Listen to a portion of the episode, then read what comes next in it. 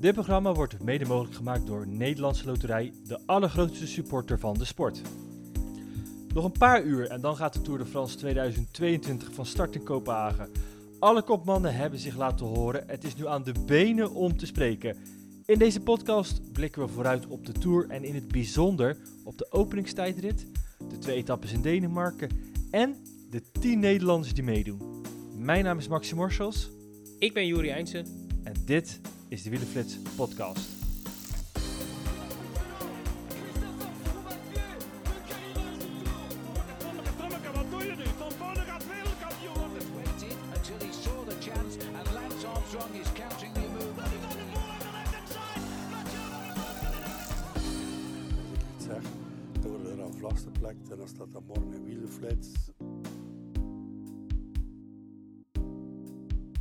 Juri, we duiken er meteen in. Zojuist is de volgorde van de tijdrit bekendgemaakt.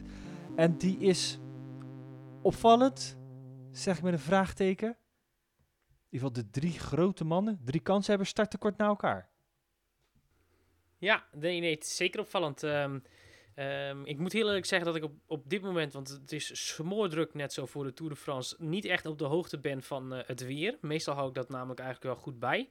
Ehm, maar eh, ik hoef eigenlijk alleen maar naar de startlijst te zien om eh, te kijken om te zien dat er, eh, nou ja, aan het einde van de tijdrit, dus zeg maar tussen half zes en zeven uur, dat er dan wat te gebeuren staat, ofwel regen ofwel wind.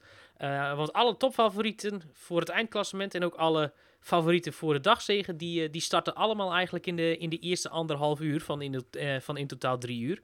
En ja, we zien inderdaad een aantal opvallende eh, namen. Zo start als vierde Bauke Mollema, eh, de nieuwe Nederlands kampioen, om vier minuten over, eh, over vier. En Mathieu van der Poel vertrekt al acht minuten daarna, om twaalf minuten over vier als twaalfde.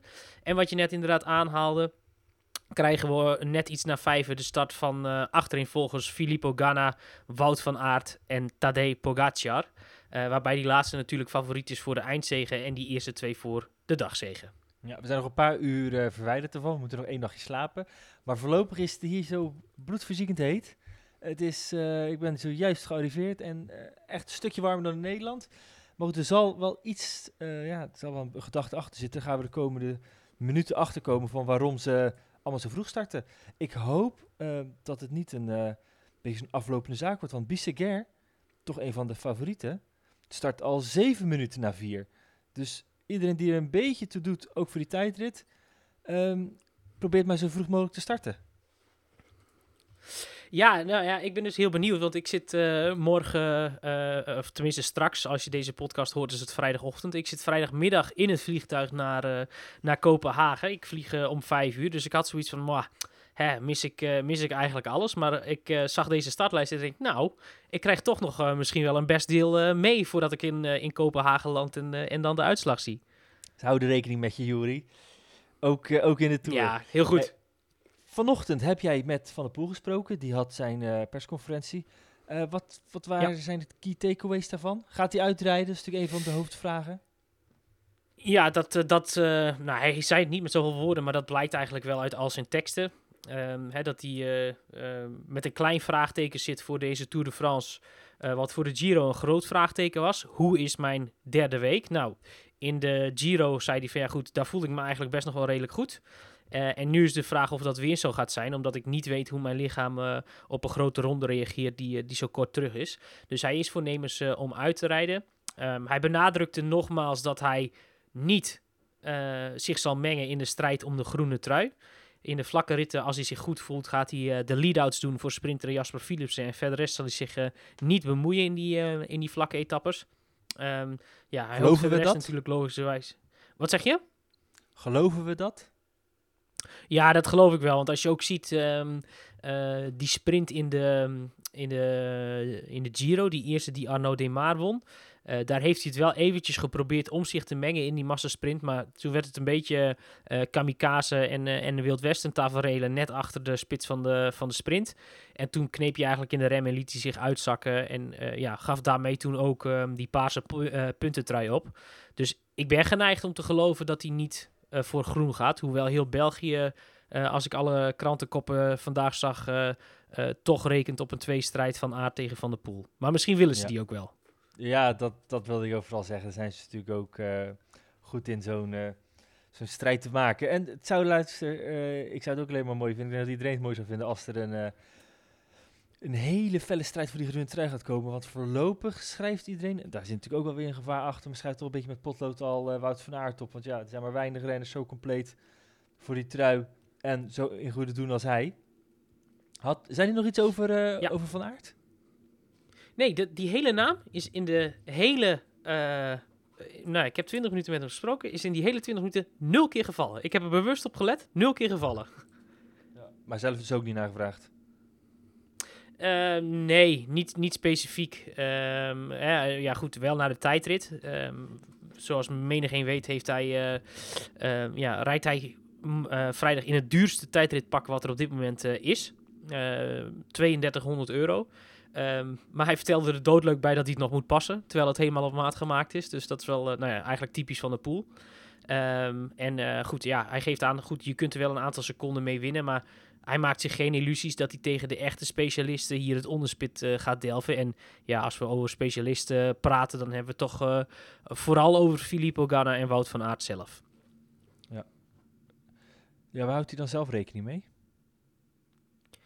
Nou ja, hij zegt als ik, als ik het verlies weet te beperken eh, tot, tot zo'n 10, 15 seconden, dat er dan in de dagen tot aan Roubaix misschien nog wel wat, eh, wat mogelijk is. Hij zegt en anders is dat de eerstvolgende rit, de vijfde etappe over Kasseien, dat, eh, dat hij zegt, dan verwacht ik weer dat er tijdsverschillen optreden. En naar die rit kijkt hij heel erg uit. Hij zegt, maar goed, als ik het, als ik het kan beperken, het verlies tot 10, 15 seconden op de dagwinnaar, ja, dan, dan denk ik dat dat al een hele goede prestatie is. Ja, want als we even verder kijken, ja, de tweede rit, hè, waar we allemaal van hopen dat er heel veel wind gaat staan, lijkt voorlopig toch een eh, beetje een, eh, hoe noem je dat ook weer? Een eh, Slap aftreksel. dode- ja, een dode mus of iets, iets met gebaard. Ja, ja, het, ja, ja. klopt. De, de, die rit baart de muis.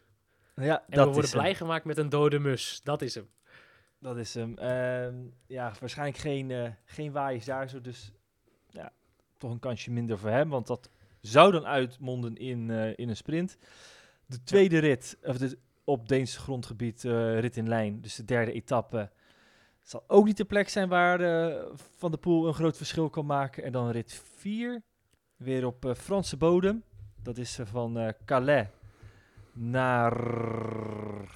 help mij Duinkerke. Eventjes naar Duinkerke, de rit in het... En is, het, het is andersom volgens mij. ja, van Duinkerken naar Calais inderdaad. Zitten wel wat heuveltjes in. Maar of dat selectief genoeg gaat zijn om ook eh, dan de andere op, eh, op, op 15 plus seconden te zetten, wordt lastig. Hè? Dus dan is het echt wel kijken naar de Longwy Ja. de dag erna.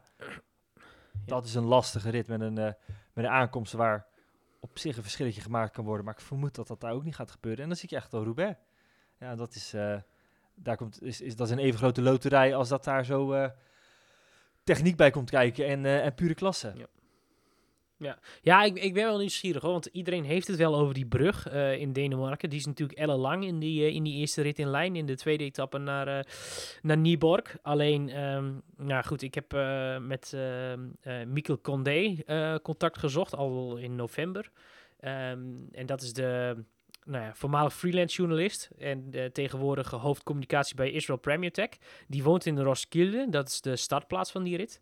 En die kent eh, dat gebied heel goed. Hij zegt, ja, die brug is inderdaad lang, eh, maar dan moet er noordenwind staan. En eh, net als hier in Nederland staat hij er in de zomer nooit. Eigenlijk nooit. Dus ja, goed, de kans dat er waaiers op, op die brug ontstaan, nee. Als er wel wind uit de goede richting staat, dan zullen die er op natuurlijke wijze wel ontstaan. Alleen die weg daar naartoe, vanuit eh, de tussensprint, volgens mij is dat in Christiansveld die dag, als ik me niet vergis. Ehm, eh, van de tussensprint naar die brug toe. Dat is een, een strook van, eh, van, 50, eh, van 40 tot 50 kilometer langs de kust. Ja, als je daar wind uit het westen hebt staan, of uit het ehm, eh, zuidwesten, ja, dan, dan wordt het daar echt heel nerveus. Want dan is de kans op waaiers bijna 100% als die wind harder staat dan, eh, dan windkracht 4. Ehm, dus ja, die brug zal niet zozeer heel erg spektakel opleveren, maar misschien juist het deel ervoor. Dus eh, ik raad iedereen in vroeg inschakelen. en wat betreft, eh, nou ja, goed, die derde rit wordt in mijn ogen gewoon een massasprint. Maar die vierde rit die jij net aanhaalt, naar Calais, ehm, is ook nog wel heel interessant. Want daar ligt op, eh, op, eh, in de laatste 20 kilometer nog een klimming van de, beklimming van de vierde categorie, naar de, de eh, Cap Blanc Nes. En als je dat ding ziet, het is een witte krijtrots. Die dankt zijn naam aan ehm, een blanke neus. Dat werd vroeger gezegd, daarom heet hij ook Blanc Nes. En ehm, ja goed, daar kun je nog wel wat proberen. Het enige punt is wel, vanaf de punt na de finish wacht nog één bochtje. Eh, en dan nog een chicane in de laatste kilometer en dat is het. Dus als je daar aanvalt, blijf je heel lang in het zicht van het peloton. Dus de vraag is in hoeverre dat zin heeft. Eh, maar ook in die rit, hè, we hebben het wel over Van der Poel, die wel gekkere dingen gedaan heeft. Ehm, kan zoiets wel. En dan heb je al voordat je bij Valère aankomt, eh, bij die kasseienrit, heb je al een kans gehad om, om misschien ja, toch nog op een onverwacht moment eh, eerder die trui te pakken. Maar dan zal ik dus eerst, wat hij zelf ook zegt, binnen 10 tot 15 seconden van de dagwinnaar in Kopenhagen moeten zitten. Ja, want het is ook maar de korte tijd dat hij überhaupt eh, kans maakt op de trui. Want al na een week eh doemt La Planche Belfie op.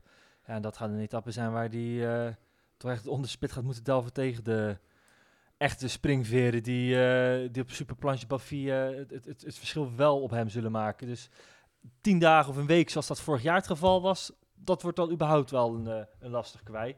Maar goed, iedere dag gele trui is natuurlijk een mooie. En dat zou voor ons eh, Nederlanders eh, een, een hele mooie zijn. Wat natuurlijk wel zo is, we zitten nu in de positie dat als Nederland zijnde ehm, Van de Poel het geen lastige ritten worden. Dan worden het wel sprintkansen.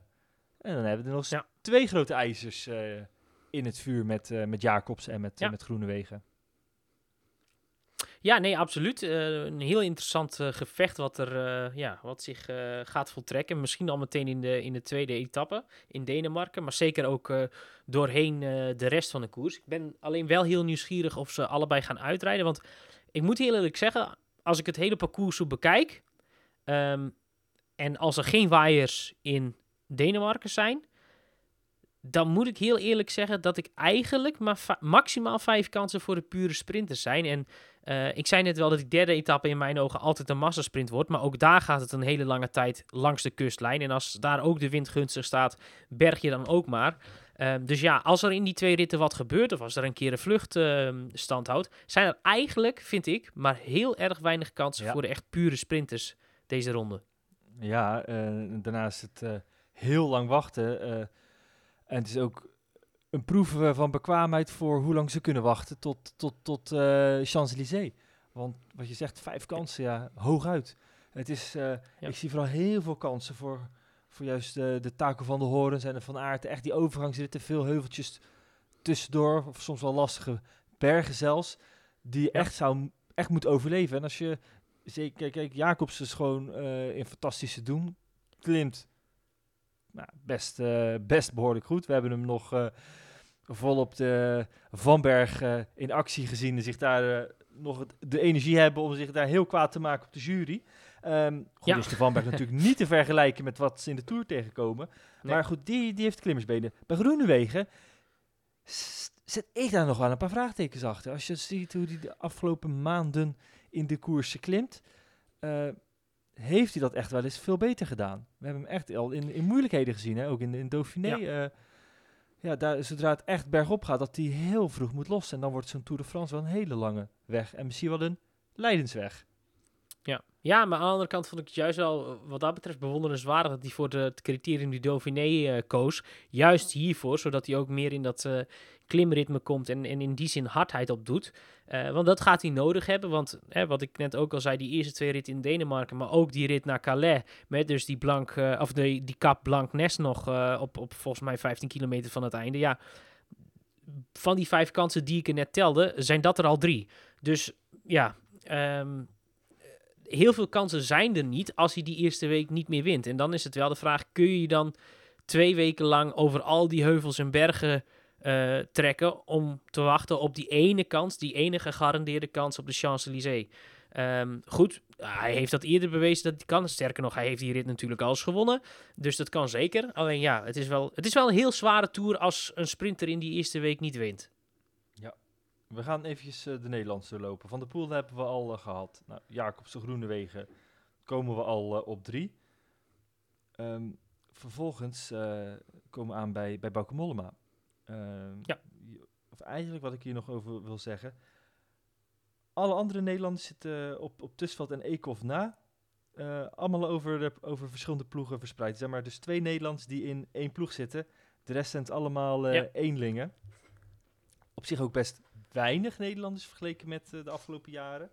Ehm, maar de Nederlanders die er zijn, maken eigenlijk vrijwel allemaal kans op, eh op ritzegers. En dan denk ik dat het voor Tussveld en voor Kruiswijk nog wel het, het lastigste wordt. Ja, nee, dat, eh, daar ga ik wel in mee.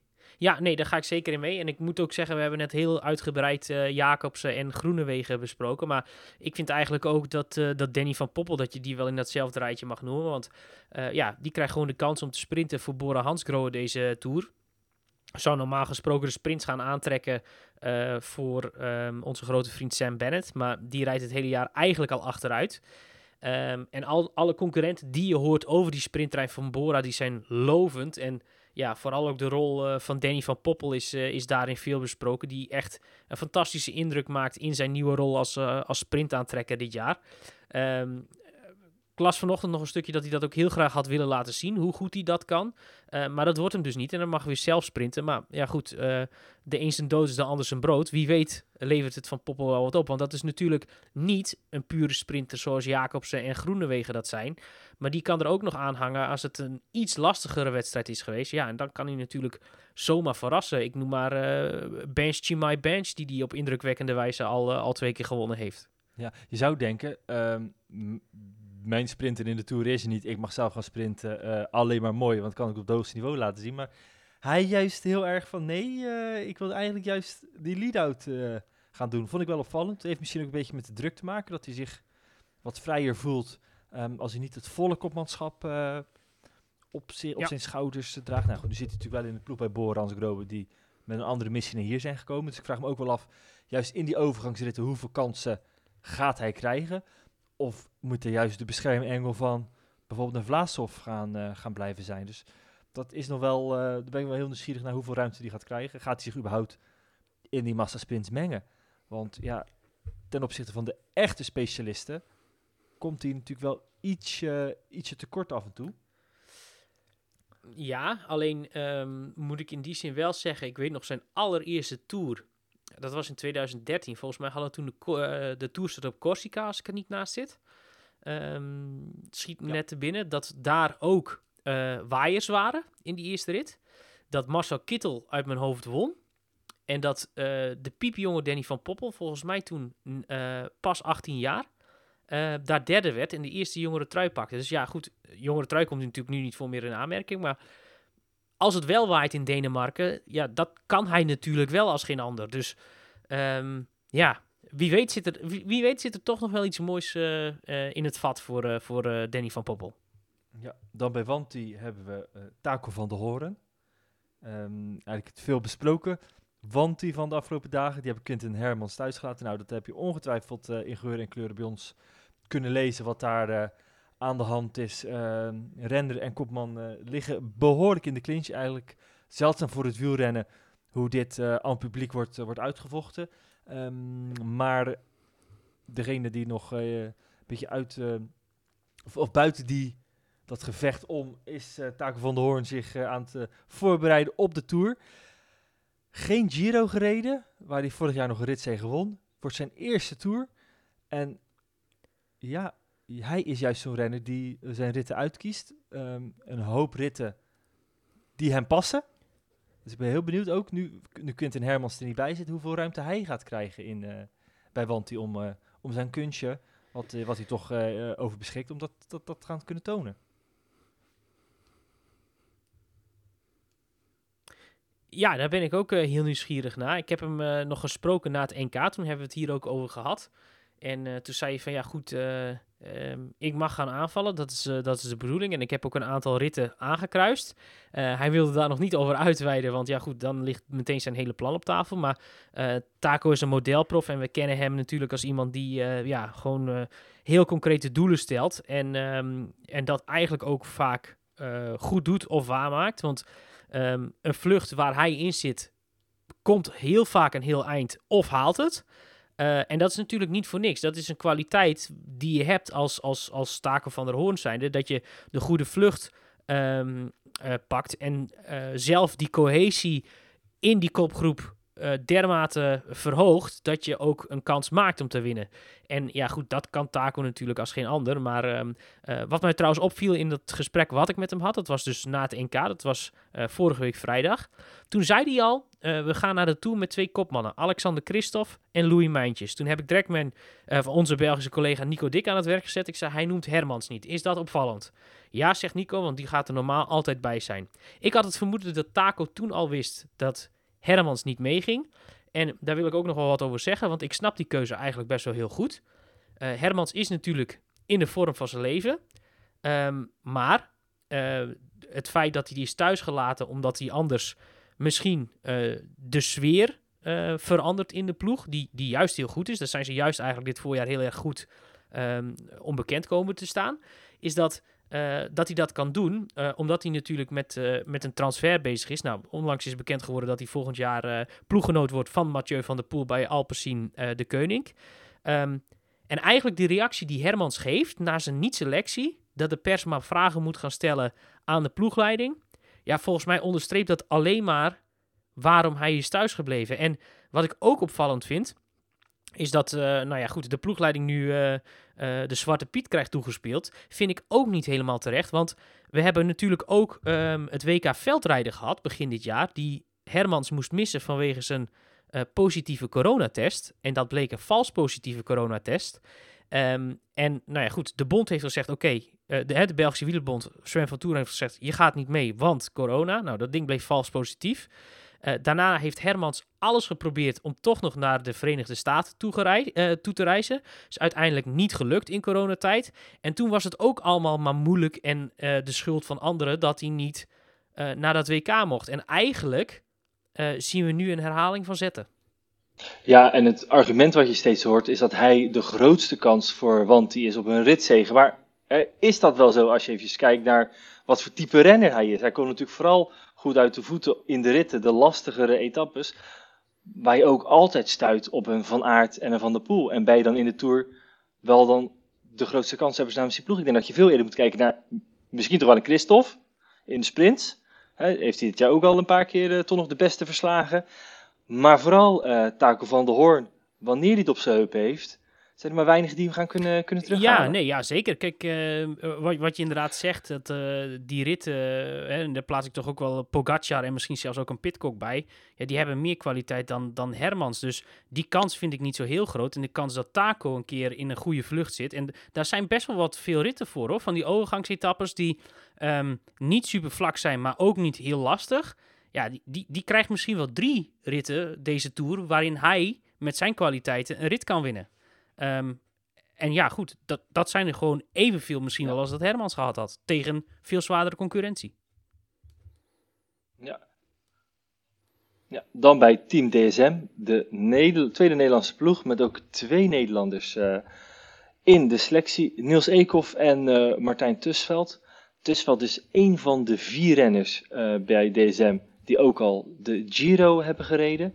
Voor Eekhoff is het eigenlijk weer een weerzien eh, sinds heel lang eigenlijk, want die heeft natuurlijk vooral een jaar met veel pech.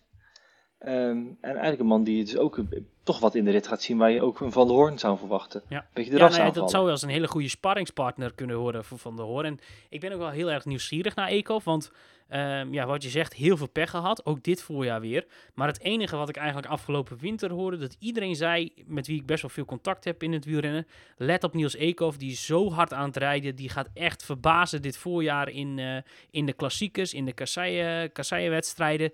Nou, daar keek ik heel erg naar uit. Maar door pech en ook eh, een valpartij ehm, en een keer corona vals positief, ehm, is dat er gewoon niet uitgekomen. Hebben we dat niet gezien. Dus ik ben eigenlijk heel erg nieuwsgierig naar hoe ze dat eh, bij eh, Team DSM in die kasseienrit gaan aanpakken. Want ehm, ze hebben geen klassementsambities. Ondanks dat ze bijvoorbeeld wel Romain Bardet en, en Andreas Leknesund mee hebben.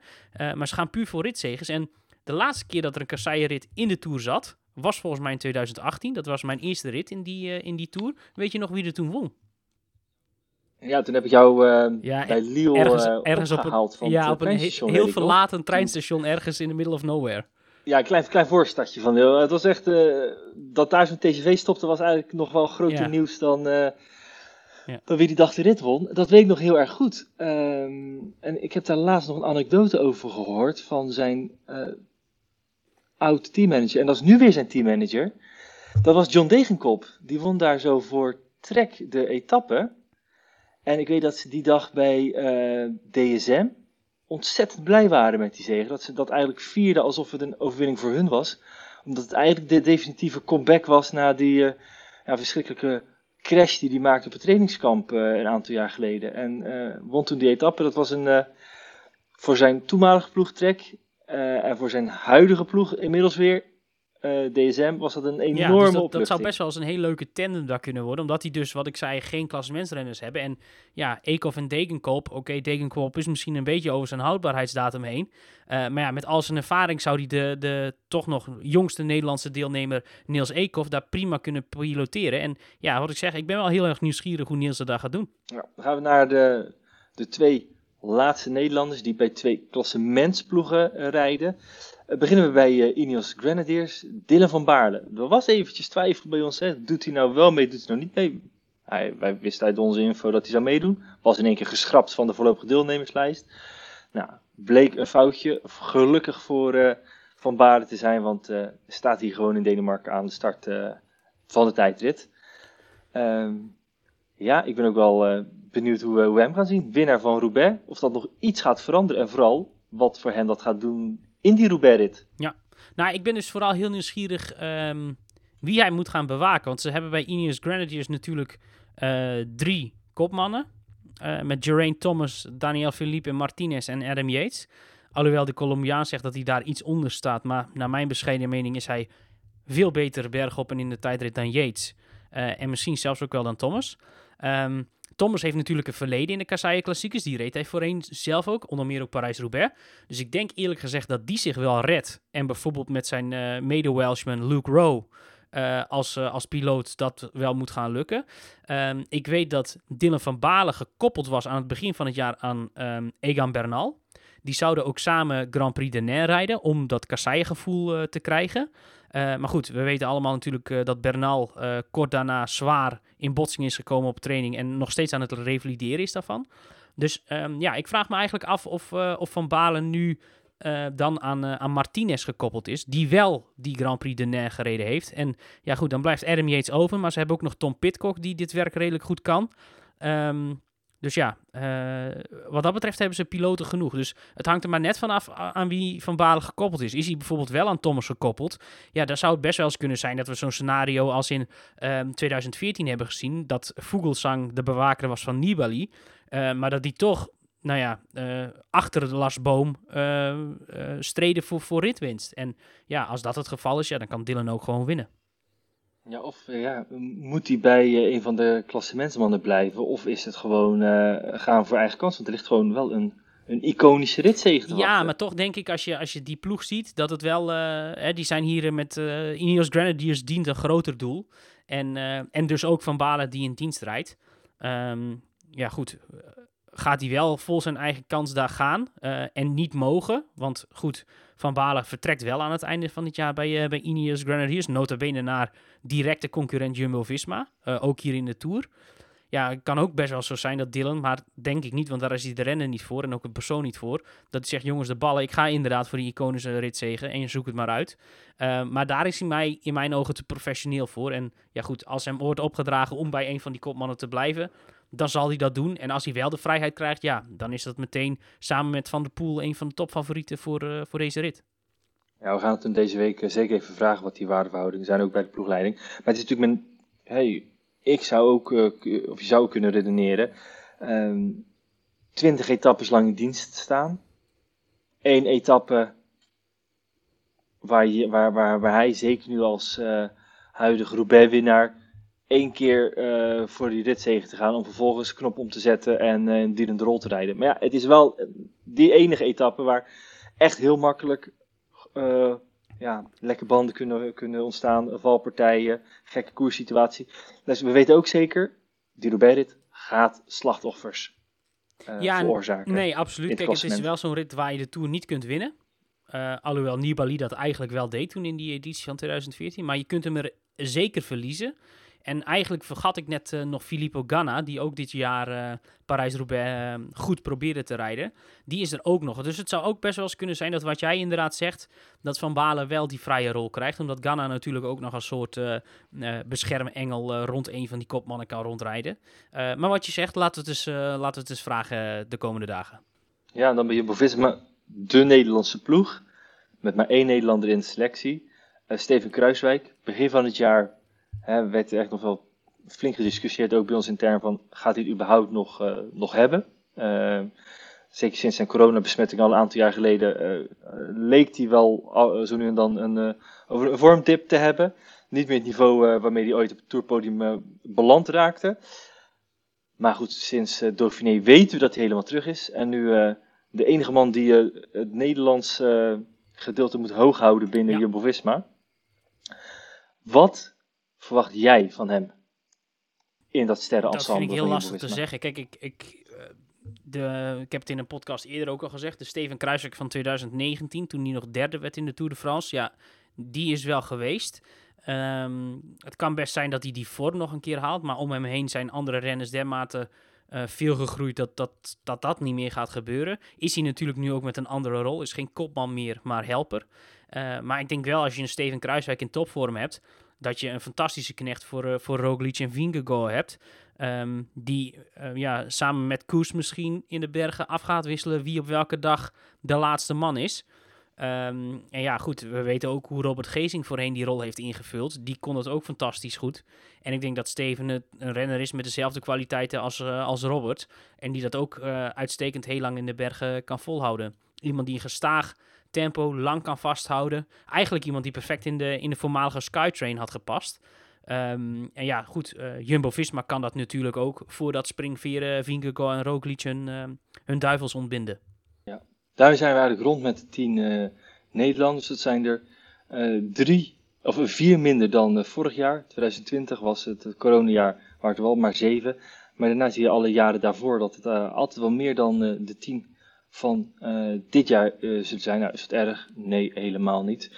Ehm, want de Nederlanders die meedoen, zullen echt wel voor een eh, succes gaan zorgen. Althans, heb jij dat ook aangegeven in jouw wat verwacht wielerflits? Jazeker, ik heb ingezet op niet minder dan vier verschillende Nederlandse etappenwinnaars.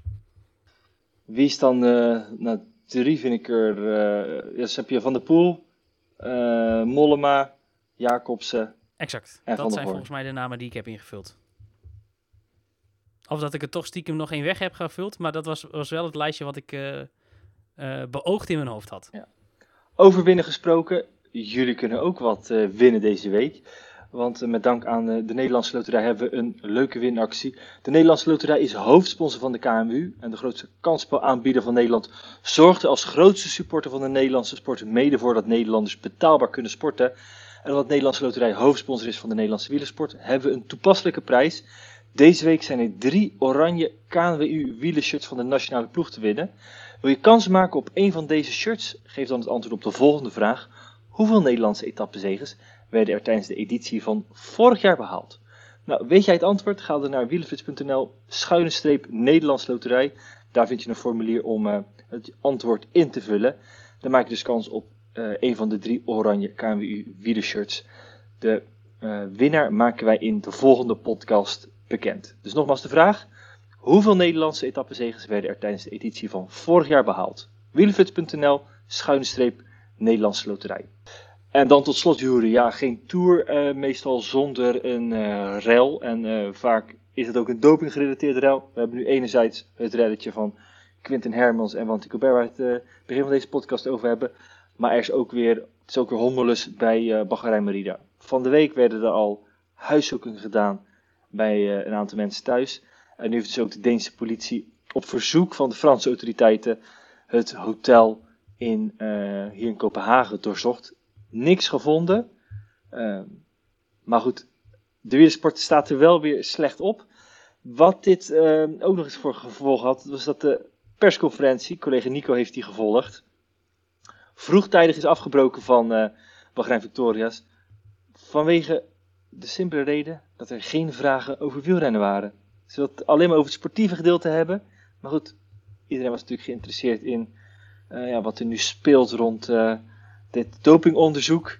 Maar daar zat de ploeg dus niet op te wachten. En die hebben gewoon de persconferentie vroegtijdig beëindigd. Opmerkelijk begin voor de ploeg van deze grote ronde, Ja, ik, eh, ik vind het hoogst opmerkelijk. En ook de laatste reden. Ja, goed. De, ik snap dat je, dat je als ploeg zijnde niet erover wilt hebben. Maar ehm, het is toch niet meer dan normaal dat de media over zo'n voorval vragen eh, wil stellen. En ook mag stellen. Want ja, goed. Als ze niks te verbergen hebben, dan kunnen we dat prima bespreken volgens mij. En ja, ik zeg altijd, waar rook is, is vuur. En ook vorig jaar laag al onder het vergrootglas. Ehm, in de wandelgangen heb ik hoor ik ook al meer dan een jaar dat, eh, dat er nou ja, het een en ander daar speelt. Eh, nou ja, goed, dat soort dingen ga je natuurlijk eh, nooit rondkrijgen, want ja, niemand praat. Maar als het geval is wat er dus rondzinkt in de wandelgangen, ja, dan is er zeker aanleiding toe om, om dit onderzoek te doen. Ehm, maar aan de andere kant ben ik ook wel met de woorden van Stefan Koen eens. Die heeft zich ook uitgesproken over dit onderwerp. Die zegt, ja, als er niets is, dan eh, verdient eh, deze actie ook een, eh, een openlijk excuus. En ja, dat, dat moet dan wel volgen. Maar ehm, ja, ik ben heel erg benieuwd hoe dit zich verder, verder voltrekt. Ja, dat is natuurlijk ook, juist ook voor de autoriteiten natuurlijk het ideale moment om de spierballen te tonen. Want zo vlak voor de Tour de France, ja, iedere sportwielerliefhebber die is nu bezig met de Tour de France. Dus het, is natuurlijk ook het zou natuurlijk ook voor de autoriteiten een, een, uitgelezen moment zijn om, eh, om te tonen wat ze, wat ze kunnen. Maar het is natuurlijk vooral eh, ja, wel weer bijzonder dat zo vlak voor de Tour dit opnieuw eh, naar buiten komt. Want afgelopen jaar eh, we zijn natuurlijk ook, huis, ook alweer hotelbezoekingen geweest. Dat is daarna eigenlijk stilgevallen, maar het onderzoek loopt nog. Nou, waarnaar precies is nog steeds een beetje gissen. Ja, dopingpraktijken is dan de reden die, die bekend is. Maar wat dan, of waarom, of om wie het gaat, allemaal onbekend. Um, en nu dus starten ja, met weer een hoop vraagtekens. Ja, en dat is voor die renners die eraan beginnen natuurlijk uh, niet lekker. Um, zeker niet als je in volle voorbereiding, waarin je alle rust kunt gebruiken om uh, 5 uur 30 uh, ja, van je bed gelicht wordt. En, ja, natuurlijk compleet klaar wakker bent. Dus ik kan me voorstellen dat, dat een aantal renners, hè, Jack Hake en, en Damiano Caruso, die een goed klassement moeten rijden, dat die uh, ja, uh, toch morgen niet helemaal 100% uitgerust aan die start staan. En uh, ja, um, moeten we toch zien hoe dit, hoe dit verder gaat. Want ja, dat er vorig jaar dus onderzoek is gedaan en dat het dus nog steeds niet afgerond is. En tot twee keer toe afgelopen weken gegronde reden is om, om hier binnen te vallen. Um, hè, het, is ook niet zomaar een partij. Het is Europol die hier ook uh, van de week die invallen gedaan heeft. Ja, dan moet er wel echt iets aan de hand zijn. Of dan moeten ze daar wel aanwijzingen voor hebben dat er echt iets aan de hand is. Want anders, anders gebeurt dit niet. Je moet wel een gegronde reden hebben om een, om een huiszoekingsbevel um, ja, te kunnen bemachtigen en ook, ook te kunnen vorderen. Dus wat dat betreft, wat, nogmaals, waar rook is, is vuur. Ik hoop van harte van niet, want dat kan de wielersport niet zo goed gebruiken. Uh, maar ik ben bang dat we het laatste over dit, uh, dit onderwerp nog niet besproken hebben. Nee, dat uh, vrees ik ook. De komende weken zal het uh, absoluut nog een rol gaan spelen. Ook omdat ik benieuwd ben ja, wat de invloed gaat zijn op de wielrenners. Dat zijn vragen die we de komende weken ehm, beantwoord zullen gaan krijgen. Um, of in ieder geval iets meer over te zien gaan krijgen. Juri, hoe staat het eigenlijk met jouw uh, ploegleiderteam? Hij is, is nog niet af? helemaal af. Um, ik had hem al klaar eigenlijk. En door een aantal coronagevallen moest ik toch nog wat sleutelen. En ik ben nu heel hard in dubio of ik toch niet Alexander Vlaasov nog in mijn team moet fietsen. Um, het zou betekenen dat ik uh, Danny van Poppel zeker om de simpele reden. Nee, nee, nee, nee, nee sowieso niet. Uh, want Vlaasov, ik, ik, heb dat ook al vaker gezegd. Er zijn voor mij maar zes renners die deze tour kunnen winnen. Um, dat zijn, um, of eigenlijk maar vijf. Dat zijn um, Primoz Roglic, of uh, zes, natuurlijk wel zes. Primoz Roglic, Jonas Vingegaard, uh, Tadej Pogacar, Geraint Thomas, Daniel Felipe Martinez en Alexander Vlaasov. En uh, nou ja, van die mannen heb ik toch een aantal in mijn uh, ploegleiderteam gefietst. Wie ga ik lekker niet zeggen. maar ik ga kijken of ik toch ook nog um, Alexander Vlaasov daarin kan fietsen. Het zou wel betekenen dat ik Mathieu van der Poel daarvoor moet opofferen. En dat is toch wel een beetje tegen het zere been, eerlijk gezegd. Ja, ik wil zeggen, dat moet toch jou eh, als voorzitter de, van de officiële Flikker op. wel een beetje pijn gaan doen, Jori. Nee, ja, goed. ehm, ja, de, eh, de, het is alleen wel zo. Van der Poel is 14 punten waard. Ehm, heeft nogmaals vanmorgen gezegd: ik ga niet voor het groen. Dus kan in die zin ook niet extra punten opleveren. Gaat zijn ritten uitzoeken. Ehm, terwijl je bijvoorbeeld van Van Aert weet, die net zoveel punten waard is, dat die er iedere dag voor zal gaan. Want die ga, heeft een doel gemaakt voor, eh, eh, van die puntentrui. Dus die zal ook in de vlakke sprints moeten meesprinten. Daarvan weet je, die gaat leveren voor die 14 punten. En voor Van der Poel weet je gewoon, oké, die gaat zijn ritten uitzoeken. Maar aan de andere kant zou hij dat ook in de Giro doen. En daar was hij aan het eind van de rit de vierde of vijfde best presterende renner van het spel. Dus ik zit zwaar in dubio. Want bij Vlaashoff is het zo, heeft net corona gehad. We hebben geen idee hoe goed hij is. Als hij zo goed is als de rest van het seizoen, dan gaat hij, die, gaat hij zijn punten dubbel en dwars ophalen. Want dan kan hij goed tijd rijden, goed klassement rijden, bergetappes winnen. Maar ook dit seizoen, zijn eh punch-aankomst is ook heel goed. Dat is iets wat Van der Poel natuurlijk kan. Maar als hij bijvoorbeeld vier plekken ehm, ja, onder hem eindigt, maar in andere ritten meer punten pakt, zou dat een betere keus kunnen zijn. Alleen ja, dat is toch wel... Ik zit daar toch wel heel erg mee hoor. Want eh, ja, het is wel een, een gok die je dan neemt. En bij Van der Poel weet je gewoon, oké, normaal gesproken gaat hij eh, toch in een rit of 4, 5 zeker punten voor je pakken. Ehm, en bij Vlaashoff kan dat ook zeer zeker. Maar omdat hij net corona gehad heeft, is dat gewoon een klein beetje een vraagteken. Maar ik ga nog heel hard daarover nadenken vanavond en anders eh, Ja. morgen op weg naar het vliegtuig. Ik wil zeggen, en wat gaat. eh, ja, hoe ga jij de knoop doorhakken? Neem ons mee in de gedachtegang. Ja, dat ga ik toch nog ehm, heel veel lezen. Want ik, eh, het is nu donderdag en, en vrijdag, eh, dus vandaag, later vandaag, reis ik eh, naar Kopenhagen toe. Zit ik nog heel lang in de trein. Hopelijk gaat alles voorspoedig op Schiphol. En dan zit ik ook nog heel lang op Schiphol. En dan nog in de trein. En dan ga ik gewoon heel veel lezen. en, en proberen om te kijken of ik ergens iets kan zien in, in, in video-interviews hoe Vlaasov en Van der Poel er, ervoor staan. En dan, dan ga ik op basis daarvan ehm, eh, de knopen doorhakken morgen namiddag. Ja, nou, ik eh, ga gewoon eh, mijn team openen. Ik moet nog. ik heb het ruwweg in mijn hoofd. Ik klik het aan, ik maak 1, 2 wisselingen en daarna laat ik het erbij. Dat is een strategie die mij niet veel heeft gebracht in de Giro. Maar ik ga het wel opnieuw doen.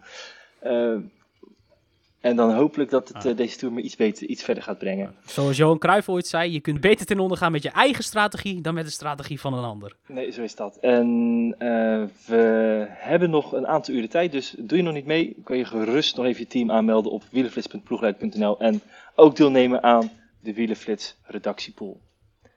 Goed, Jori. Ehm, tot slot, één naam voor de tijdrit. Voor de tijdrit. Ehm, Stefan Bissegger. Om maar bij mijn stokpaardjes te blijven. Ja, die wilde ik ook eigenlijk gaan noemen, maar dan ga ik eh, voor, ehm, toch voor Wout van Aert, die eh, hersteld is van zijn knieblessure. En wie wint de Tour? Jonas Vingegaard. Ja, en ik ga voor eh, de jou net zo geprezen Alexander Vlasov. Dus eh, dat wordt. En wa- waarom geen Pogacar eigenlijk? Ik, ik heb zelf ook het gevoel dat hij niet gaat winnen, maar... Nou, ik, eh, ik denk wel dat hij nog steeds in pole position zit, maar dat hij toch eh, vroeg of laat een keertje wat, wellicht wat gaat tegenkomen. En het is iemand die gaat of voor de winst of gaat eruit. En die zou dan ook nog wel eens het, als, het, als het verkeerd gaat, toch voor de Vuelta gaan. Dus de knop omzetten en richting Vuelta gaan.